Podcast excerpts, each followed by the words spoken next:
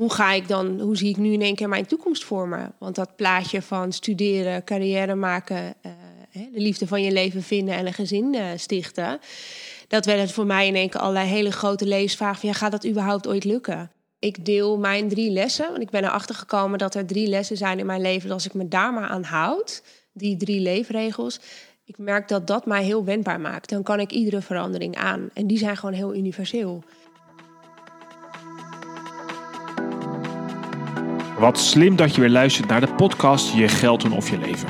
Ik ben Michiel van Vught en ik probeer je telkens weer te helpen om de beslissingen rondom geld en je leven bij elkaar te brengen.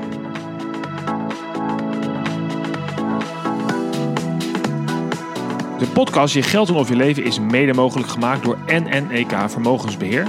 En voor meer informatie kijk jij op michielvanvugt.com. Vught met V-U-G-T. Hier vind je artikelen, boeken, filmpjes en uiteraard alle eerder gemaakte podcasts. Nou, en dan heb ik het in mijn podcast wel eens over uh, veranderen en het maken van keuzes. En dat dat uh, best wel te doen is. Maar nu zit tegenover mij iemand met een stralende glimlach. Die echt op dag, dagelijkse bezigheid te maken krijgt met zeer ingrijpende veranderingen. En uh, nou, je, je, lacht, je ziet er heel vrolijk uit, maar ja. Ben ik ook. Ja, nou ja, ook, kom je ook over sinds ik, ik ben al een kwartiertje hier bij jou thuis. En um, Joyce de Ruiter zit tegenover me. Ja, vertel eens, waarom heb jij op dag, dagelijkse uh, bezigheid, zeg maar, of heb jij te maken met van die ingrijpende veranderingen?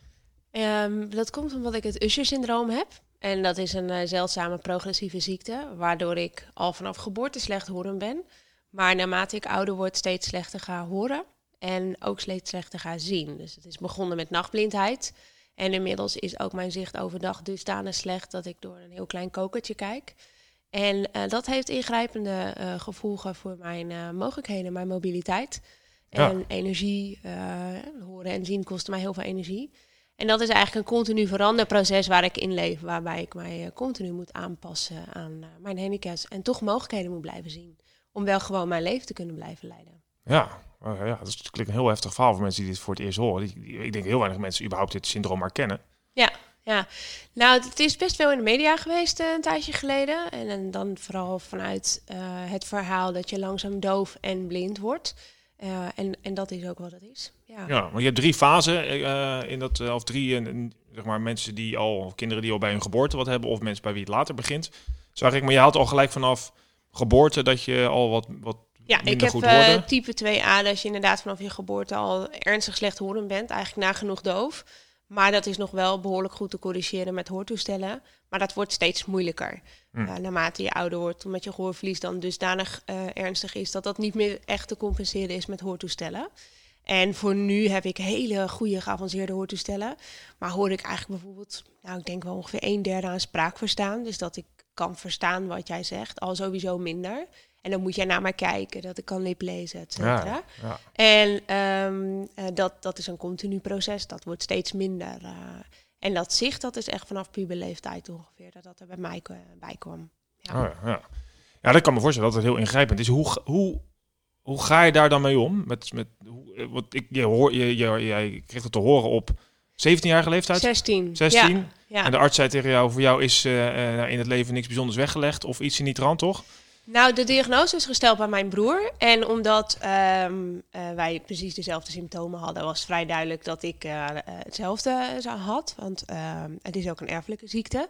En um, een jaar daarna ben je jezelf aan het herpakken. Dat je denkt, oké, okay, ik moet een studiekeuze hmm. gaan maken. En hoe ga ik dan, hoe zie ik nu in één keer mijn toekomst vormen? Want dat plaatje van studeren, carrière maken, de liefde van je leven vinden en een gezin stichten dat werd het voor mij in één keer allerlei hele grote levensvragen van ja, gaat dat überhaupt ooit lukken? En stap 1 was een studie kiezen. En dacht ik van ja, wat voor studie ga je dan kiezen dat je dat nog zo lang mogelijk uh, kan blijven werken? En eigenlijk heb ik toen al heel snel besloten, ik ga gewoon een studie kiezen waar ik heel gelukkig van word. Ah. En dan zie ik wel in de toekomst wat ik daarmee kan. En die studie bleek visual marketing te heten. Nou, en dat toen de oogarts dat hoorde, Waar ik toen voor controle terug moest, nou, die vond dat echt wel een bezopen idee dat ik een studie ging doen met een visuele naam erin. En dat heeft hij me ook vrij uh, uh, hard duidelijk gemaakt. En dat was ook het moment dat ik bijvoorbeeld vroeg van, joh, ik word straks 18, zou ik mogen autorijden. Want mijn broer had wel een rijbewijs gehaald, al voordat hij de diagnose kreeg. En mijn zicht was overdag nog behoorlijk goed. Dus ik vroeg me af, mag dat? Nou, dat vond hij ook een belachelijk idee. En werkelijk Hmm. niemand zou mij toch ooit een rijbewijs geven. Oh, echt een empathische arts. Ja, ja dat, eh, die, die zit er zeker tussen, maar deze man hoort daar inderdaad niet bij. En, eh, eh, ja, en, en toen dacht ik, ja, wat ga ik doen? Welke keuze ga ik maken? En ik heb ervoor gekozen om die opleiding wel te doen. En een jaar later zei een andere oogarts tegen mij van, ja, nou ja, je zou best mogen autorijden, maar wil je ervoor kiezen om ehm, ja, die vrijheid ooit op een dag wel in te moeten leveren? Oh ja, dat is ook een keuze die dan. Ja, zegt ze, je mag nu best autorijden met alle kosten die erbij horen. En je studeert en gaat met het OV, ja, hoeveel gebruik ga je daarvan maken? En het is toch een verworven vrijheid die je op een dag wel in moet leveren. En eh, ja, dat, dat is jouw keuze wat jij daarmee wilt. En toen stond ik heel anders achter eigenlijk dezelfde boodschap van een jaar daarvoor. Toen dacht ik, ja, als je het zo stelt, kies ik er dus voor om die vrijheid niet later in te moeten leveren. Maar nu de vrijheid te zien van wat kan ik zonder autorijden bijvoorbeeld. En mobiliteit wel. Hmm. En toen kon ik nog gewoon fietsen en, eh, en het OV. En eh, daar heb ik me eigenlijk prima mee gered. Dat is eigenlijk nu een heel groot probleem. Dat het OV mij heel veel energie kost. Omdat ik mijn beeld moet scannen. Omdat mijn zicht nu zo slecht is. Dat dat steeds lastiger wordt en vermoeiender. En eh, fietsen, eh, ja, dat doe ik eigenlijk sinds een paar maanden ook gewoon ja, niet meer. Ik had een bakfiets en eh, dat was zo'n lekker groot stabiel ding. Zo'n driewieler, kinderen Ja. erin, boodschappen erin. Ja, en nu ehm, weet ik niet of dat nog zo heel veilig is voor mezelf, mijn kinderen, maar ook de medeweggebruiker. Dus ik heb toch besloten om dat ook niet meer te doen. En dat zijn echt de heftige veranderingen waar ik nu in leef. Dat ik dat steeds een stapje van mijn vrijheid daar weer bij in moet leveren. Hoe is dat dan? Ja, niet leuk. Nee, nee, nee. Nee, ehm, het, het, het vraagt heel veel van je incasseringsvermogen. Van ja, hoe ga ik toch nog die mogelijkheden blijven zien? Want het is een heel groot verworven vrijheid. Hè? Dat je je kinderen naar eh, de sportclub kan brengen. Dat je gewoon zelf je boodschappen kan doen, omdat je je spullen in de bakfiets kan gooien. En als dat niet meer gaat, heeft een enorm grote impact op je gevoel van vrijheid. En dat voelt heel beklemmend als dat niet meer kan. En dat zijn wel de impactvolle dingen dat je denkt van ja, hoe ga ik dat in de toekomst nog meer kunnen? Want mijn afhankelijkheid van anderen wordt steeds groter. Ja, En dat is best heftig om te incasseren, ja. ja, dat snap ik, ja. Nou, althans, ik snap het eigenlijk helemaal niet. Nou ja, ik kan me voorstellen dat je er iets bij kunt Ja, voorstellen. ik kan me er ja. iets bij voorstellen, maar Ja. het, eh, ja, weet je wat, je wat je zegt, zo heb je het, ja, dat is ook een heel, eh, een heel onzeker beeld van de toekomst. Je weet niet precies wanneer wat waarschijnlijk Nee. niet meer kan. Nee. Eh, Ik kan er ongeveer een inschatting van maken. Maar ja, ik dacht vroeger altijd, joh, als ik eh 25, misschien 30 ben, ja, dan, dan kan ik helemaal niets meer. Dan zie ik niks meer, dan hoor ik niks meer. Nou, dat blijkt gelukkig allemaal mee te vallen. En omdat het heel stapsgewijs gebeurt, kan je je ook steeds langzaam gewoon steeds daaraan aanpassen. En incasseren en, en weer je nieuwe mogelijkheden vinden en weer door. Eh, en nu denk ik, jeetje, hoe heb ik dat ooit kunnen denken? Ik ben nu 35 en ik zie inderdaad veel slechter dan toen ik eh, de diagnose kreeg. Maar eigenlijk heb ik nog steeds een heel compleet leven. En daar heb ik hard voor moeten knokken en werken. Maar eh, misschien is mijn leven nu wel mooier dan ik had verwacht dat die op een 25e zou zijn. Ja. Ja.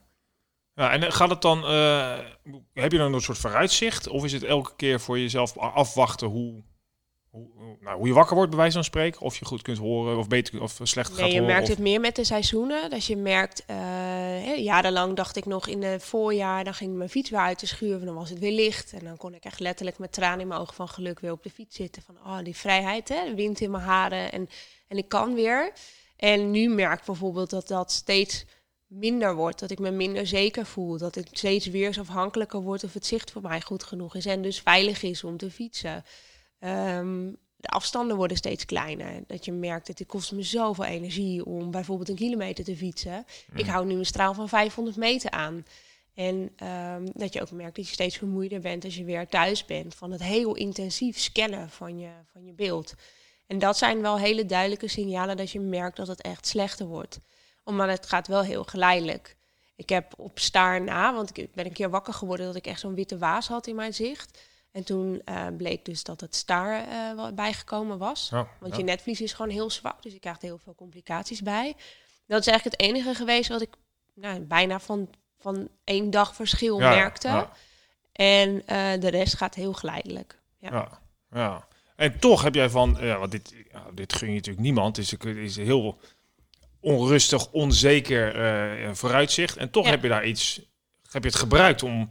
om, om iets goeds mee ja, te doen. iets goeds mee te doen. Om misschien ja. sterscher van te worden. Je zei, misschien heb ik wel een mooier, rijker leven... doordat je heel bewust bent van hoe je leeft. Absoluut. En je gebruikt het ook met je eigen bedrijf nu. Ja, ja ik, ben, ik heb gewoon jarenlang gewerkt in het bedrijfsleven. Mezelf daar volledig over de kop gewerkt. Om maar te bewijzen dat ik van alles kan. En dat het syndroom mij daar niet in beperkt. En toen ben ik in het ziekenhuis beland met een afleeskierontsteking. En nou, vluchten kon voor mijn ziekte kon gewoon letterlijk niet meer. Hè. Mijn lichaam had echt aan de noodrem getrokken van ja, wie niet luisteren wil, die moet maar voelen. Ja. En toen dacht ik nog steeds, nou, ik kom gewoon terug in mijn oude werkplek. En ik had ontzettend leuk werk. En um, nou ja, dan moest ik toch wel erkennen dat dat niet meer ging. Ja, en toen moest ik een plan B hebben. Want thuis op die bank achter die spreekwoordelijke geranium zitten, dat is echt mijn grootste angstbeeld altijd geweest. En um, ik ben een keer op televisie geweest bij RTL Late Night. En daar heb ik verteld over mijn leven met Usher-syndroom, om de stichting Usher-syndroom zelf te promoten. En uh, nou ja, daar kreeg ik zoveel reacties op dat mensen zeiden, ja, dat spreken, daar moet je echt iets mee gaan doen. Dus op het moment dat ik merkte dat gewoon werken in het reguliere arbeidsproces niet meer ging, uh, ben ik uiteindelijk, na heel veel uh, aandringen van mijn omgeving, dacht ik, nou, misschien is dat dan een plan B, ga ik me daar eens maar in oriënteren. Ja, en dat is toen heel goed uitgepakt. En nu, uh, drieënhalf jaar later, heb ik een heel succesvol bedrijf als spreker. En spreek ik op hele grote congressen of, of hele kleine teams. Hè. Al het meest uiteenlopende publiek uh, heb ik. Ja. ja, en mag ik iets goeds doen door het delen van mijn verhaal. En, en mensen inspireren van hoe ga je nu om met veranderingen. Vaak zijn er veranderingen in een organisatie. Uh, hoe krijg je je mensen daarin mee? Geef je leiding aan een verandering? Of hoe ben je zelf wendbaar om mee te gaan met veranderingen? Want ja, die maken we allemaal mee in het leven. En ja. Eh, zakelijk, privé en heel klein, maar ook heel groot en ingrijpend. Maar ja, ze doen wel een continu beroep op je wendbaarheid. En ik merk dat dat een heel actueel thema is waar mijn verhaal heel mooi bij past. Ja, dat geloof ik. Ja, ja en dat is natuurlijk een hele grote kick dat je door het delen van je verhaal uh, mensen mag inspireren, naar iets goeds mee mag doen. Ja. En mensen hun verhaal weer met mij delen dat is echt heel erg mooi. Dus ja, ik vind eigenlijk dat ik nu echt mijn droombaan heb gevonden. Uh, terwijl ik dacht dat ik hem eerst op moest geven. Door mijn ziekte heb ik hem eigenlijk nu juist gevonden. Mooi, wat vind je er zo mooi aan dan? Het contact met de mensen, de connectie. En, en de sfeer die er dan is in zo'n zaal. En de verbinding die je kunt voelen met mensen.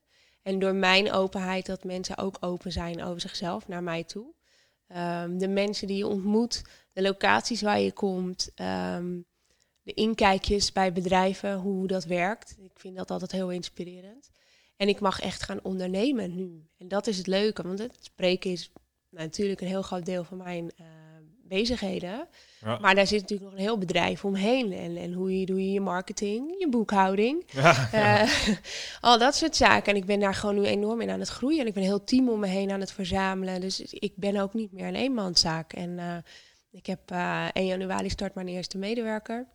Ja, ik zag het op Echt uh, in loondienst, ja. Ja, en goed. dat vind ik wel een heel mooie stap. Maar daarnaast heb ik een heel team van uh, ZZP'ers om me heen... die mij in staat stellen ook om dit werk te doen. En die mij ook weer voeden. Hè. Dus we zijn echt met elkaar aan het bouwen naar een bedrijf. En uh, ik zie een hele mooie toekomst met heel veel ideeën... behalve lezingen, dat daar nog veel meer omheen komt. En uh, mijn eerste boek komt uit komend jaar, eindelijk. En idee voor boek 2 zit al in mijn hoofd. Dus ja, het houdt hier niet op. Nee. En dat vind ik het allerleukste, dat je continu door mag ontwikkelen. En Ook, jezelf dat, ook dat verandert continu. Dus dat, Ja, Ja. dat is leuk, want je moet mij niet elke dag hetzelfde laten doen. En ik ben ook echt een conceptdenker, dus dat kan ik hier helemaal in kwijt. Hey, en dan heb je het in die, eh, in die presentatie, lezingen die je doet. Vanuit je eigen bedrijf gaat het dus over de wendbaarheid en omgaan met veranderingen. Ja. Geef eens een voorbeeld. Hoe, wat, hoe, hoe neem je zo'n zaal of een groep mee? Of, of, of wat? Nou ja, ik maak natuurlijk altijd een link met welke veranderingen zijn actueel bij eh, de organisatie of, of eh, de beroepsgroep. Hè. Dat is maar net natuurlijk waar ik voor sta. Ehm, en en ehm, ik deel mijn drie lessen. Want ik ben erachter gekomen dat er drie lessen zijn in mijn leven. Dat als ik me daar maar aan houd, die drie leefregels. Ik merk dat dat mij heel wendbaar maakt. Dan kan ik iedere verandering aan. En die zijn gewoon heel universeel. En die kun je ook toepassen, zowel zakelijk als privé. En daar neem ik de zaal in mee met een heel persoonlijk verhaal. En wat ik ook heel vaak doe, uh, als ik genoeg tijd krijg, want ik kan drie kwartier vullen, maar ik kan ook uren vullen. eh, is, is veel interactie daarin dat we ehm, eh, mensen eh, acht vragen voor zichzelf beantwoorden die ik hun stel. Van joh, welke ingrijpende gebeurtenis heb jij meegemaakt in je leven? Of welke uitspraak heeft impact gehad op jou? Of, of wat dan ook. Het hoeft niet altijd iets heel negatiefs te zijn. En wat heb je daar nou van geleerd? En hoe kun je dat omturnen naar een vaardigheid in je werk? Want ik geloof als je meer vanuit dat van jouw persoonlijke profiel werkt, dan uh, ben je ook veel wendbaarder. Want ja, je kan nu bijvoorbeeld boekhouder zijn, maar Excel bewerken is niet jouw talent. Ja, dat, Daar zit veel meer omheen en dat kan je ook veel breder, breder inzetten. En dat maakt je volgens mij ook wendbaarder, want dan ben je veel breder inzetbaar. En dan heb je eh, dus drie levenslessen, daar inspireer je mee met die vraag. Kun je, kun je die delen? Ja hoor. Uh, de eerste les die ik voor mezelf heel erg heb geleerd is van ja, we hebben allemaal de keuze hoe je omgaat met de dingen in het leven. Um, ik heb niet gekozen voor het feit dat ik te dealen heb met het Usher-syndroom, maar wel hoe ik ermee omga. En, en, welke keuze ik ook daarin maak dat het mijn verantwoordelijkheid is en niet die van mijn omgeving. Uh, dus ik heb heel erg zelf de regie uh, te nemen in het leven. En um, uh, de tweede is eigenlijk een heel erg cliché, maar dat is gewoon jezelf zijn ik deed heel lang, uh, hield ik een masker voor dat niemand mocht weten dat ik Usher had. Want ik dacht, ja, dan gaat geen enkele werkgever bijvoorbeeld mij een baan geven. Ja, ja. Um, en pas op het moment dat ik dat in ging zetten van ja, dit is mijn verhaal. En, en dat heeft me ook positieve eigenschappen gegeven waar jij kunt profiteren van als werkgever. En die ik kan toepassen in mijn werk.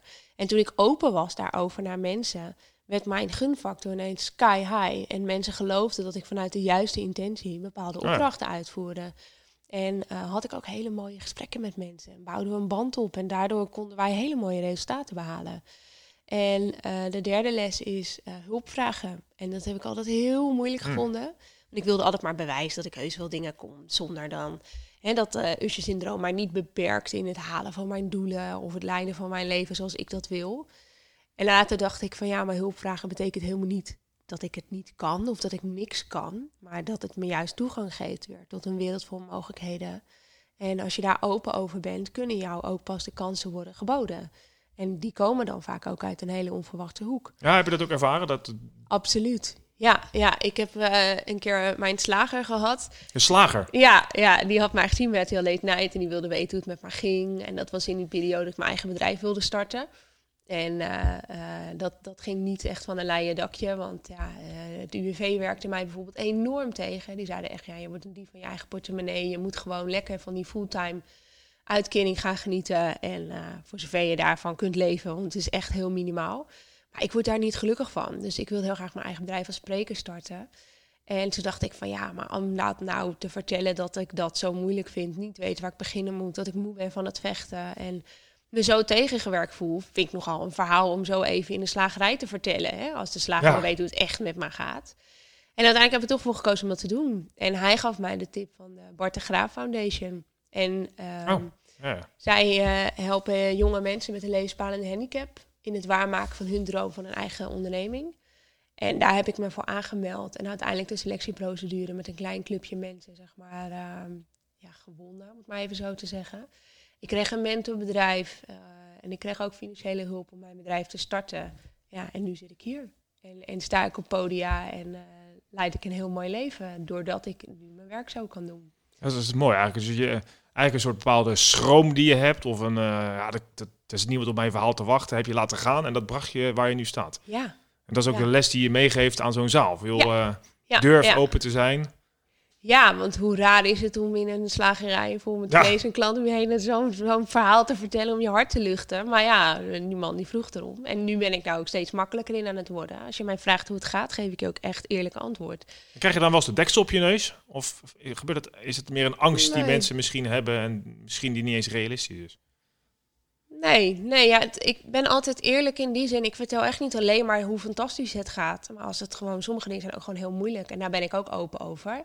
Uh, want dan geloof je mensen je ook als je vertelt dat het wel heel goed gaat. Ja, ja, ja. Ja. ja. Dus, uh, en, je begon met, dat vind ik ook wel aardig, dat uh, je, je, hebt eigenlijk altijd de keuze hoe je met dingen omgaat. Dus je, je maakt je eigen keuzes. Um, dat is natuurlijk waar, dat geloof ik ook. maar dat is ook niet altijd even makkelijk. Nee, dat is het ook absoluut niet. En je zal me ook nooit horen zeggen dat het altijd alleen maar leuk is. maar ik weet wel dat ook de negatieve dingen die je meemaakt in het leven, kunnen je ook iets positiefs opleveren. Je kunt daar ook vaak iets goeds uithalen, hoe moeilijk de dingen soms ook zijn. En, ehm, eh, maar ja, het is niet altijd alleen maar leuk. En is het ook zo dat je, ehm, dat je dan ook misschien de keuze hebt om soms te omarmen dat het gewoon kloot is? Dat je gewoon Ja, kut ja. voelt. En dat het moment toen ik dat vechten los ging laten, want ik heb eigenlijk alleen maar gevochten tegen mijn ziekte. Hè, dat gaat mij niet beperken. Ik ga mijn doelen halen. Nou, dat heeft me uiteindelijk eh, drie burn-outs opgeleverd. Met de laatste keer eh, eh, vrij heftig in het ziekenhuis. En, en echt gewoon bijna een jaar fysiek helemaal niets meer kunnen. En toen ik dat los ging laten, dat vechten. Toen ik af en toe gewoon accepteerde, nou, vandaag gaat het gewoon even niet. En daar geef ik aan toe. werd het ook veel makkelijker in zekere zin, want het mocht eruit ja. ik zeg ook heel vaak tegen mensen, je moet het niet onderdrukken, want het, het moet er toch uit, weet je. en je mag het soms ook gewoon allemaal kloten vinden. Je moet er alleen niet te lang in blijven hangen. En dan vervolgens wel weer kiezen, oké, blijf ik hierin hangen? Of kies ik er toch om er het beste van te maken? Of om het zelfs in te zetten om er iets goeds mee te doen? Ja, ja dat is mooi. En je, je, je doet er met acht vragen. Als je wat meer tijd hebt, probeer je ook mensen te laten nadenken over de eigen eh, wendbaarheid en veranderingen. Ja, nog iets dieper ingaan op een zelfreflectie. Ja. En als je dan zo de laatste jaren dat doet, hè, drieënhalf jaar geleden zei je, ben je je bedrijf gestart. Ja. Is er iets wat dan overeen, overeenkomt? Dat je heel vaak hoort dat mensen zeggen, ja, weet je, ehm, ik zou eigenlijk wel meer aandacht aan iets willen schenken. Of ik zou liever mijn leven zo inrichten. Nou, wat ik doe is dat ik vind dat die opdracht, dat is zo persoonlijk, dat ik mensen niet ga vragen om dat verhaal eh, te delen voor de groep mensen. Dus ik weet heel vaak niet wat er op die kaartje staat. Ehm, als ik wel meer tijd heb en we hebben een nabespreking, dan is het natuurlijk wel wat neem jij mee uit mijn verhaal. En de ene keer is dat, oh ja, dat hulpvraag is echt mijn ding. Vaak jonge mensen, jong professionals. Eh, Oh. Daar krijg ik dat het meeste van terug. Die zijn heel ambitieus en moeten zichzelf bewijzen. En die denken, denk, oh, maar ik mag wel om hulp vragen. En ehm, eh, de keuze komt weer bij een bedrijf heel sterk naar voren. Dus dat is heel grappig. En jezelf zijn, dat komt eigenlijk bij iedereen wel naar voren. Van, oh ja, ik hoef niet altijd dat masker op te zetten. Hè. Ik, ik mag best hetzelfde zijn thuis als privé. Ehm, en, en ik mag dat masker af en toe ook gewoon... Ja, niet af en toe, die mag ik eigenlijk gewoon aflaten. Ja. En eh, gewoon meer mezelf zijn. Maar dat is denk ik wel helemaal belangrijk, want volgens mij is onze maatschappij best wel ingericht op eh, schone schijn en social media. En eh, weet je, je vergelijkt jezelf met anderen. En daar Ja. leef je misschien naartoe. Dus ik denk dat het heel bevrijdend kan zijn als je jezelf durft te zijn. Ja, en, en, maar ik wil dat niet over één kam scheren dat de hele maatschappij zo is. Want ik zie Nee, wel een hele duidelijke tegenbeweging. Ja, en er is wel heel veel behoefte aan. En is ook heel veel verzachting, vind ik. Ja. Meer de, ja, de vrouwelijke kant, om het maar even zo te noemen, wordt wel steeds duidelijker aanwezig in het bedrijfsleven. En als je ook ziet vanuit HR wat tegenwoordig de pijlers zijn, zie ik daar wel een grote verschuiving in met bijvoorbeeld eh, tien jaar geleden. Ja, Ja, ja, en er is ook veel meer aandacht voor wat, wat wil jij, wat maakt jou gelukkig in je werk en hoe neem je daarin zelf de regie.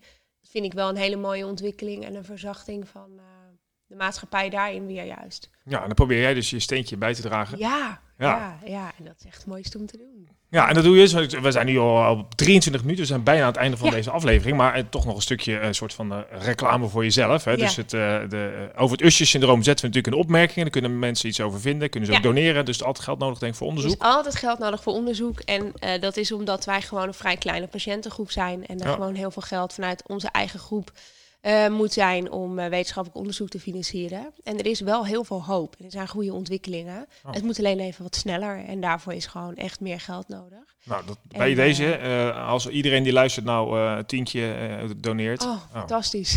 hè, dat helpt. ja, of, Ja. of kerstgeschenken, bijdragen doneren. Of gewoon een mooie donatie doen vanuit het bedrijf. Of een actie starten. Alles is welkom. Dus eh www.ushersyndroom.nl. En Usher is U-S-H-E-R. Heel goed. Nou, lees in de opmerking hieronder, staat de link. En ook nog even over jezelf. Want je Ja. zei, ja, ik doe eh, zowel voor hele grote groepen presentaties als ook workshops voor bedrijven. Wat eh, als mensen die luisteren denken, joh, ik vind het verhaal sowieso inspirerend. Ja. Wat zou Joyce eh, kunnen brengen aan een groep toehoorders of aan een bedrijf? Ja, dat mag heel breed zijn. Hè? Is er een, een verandering die er eh, gaande is binnen je bedrijf. En merk je dat het moeilijk is om mensen open te laten staan voor verandering. Dan kan ik ze daarvoor inspireren. Maar ik kan ook leiders inspireren. Hoe neem je mensen mee in je verandering? Eh, en hoe geef je leiding aan een verandering? En eh, nou ja, dat, dat kan in diverse tijdspannen. Dat kan een half uur, drie kwartier zijn of een uur. En vrijdag sta ik drie uur. En dan hebben we weer heel interactief met opdrachten erbij. Dus het kan aan alle kanten uh, op maat gemaakt worden.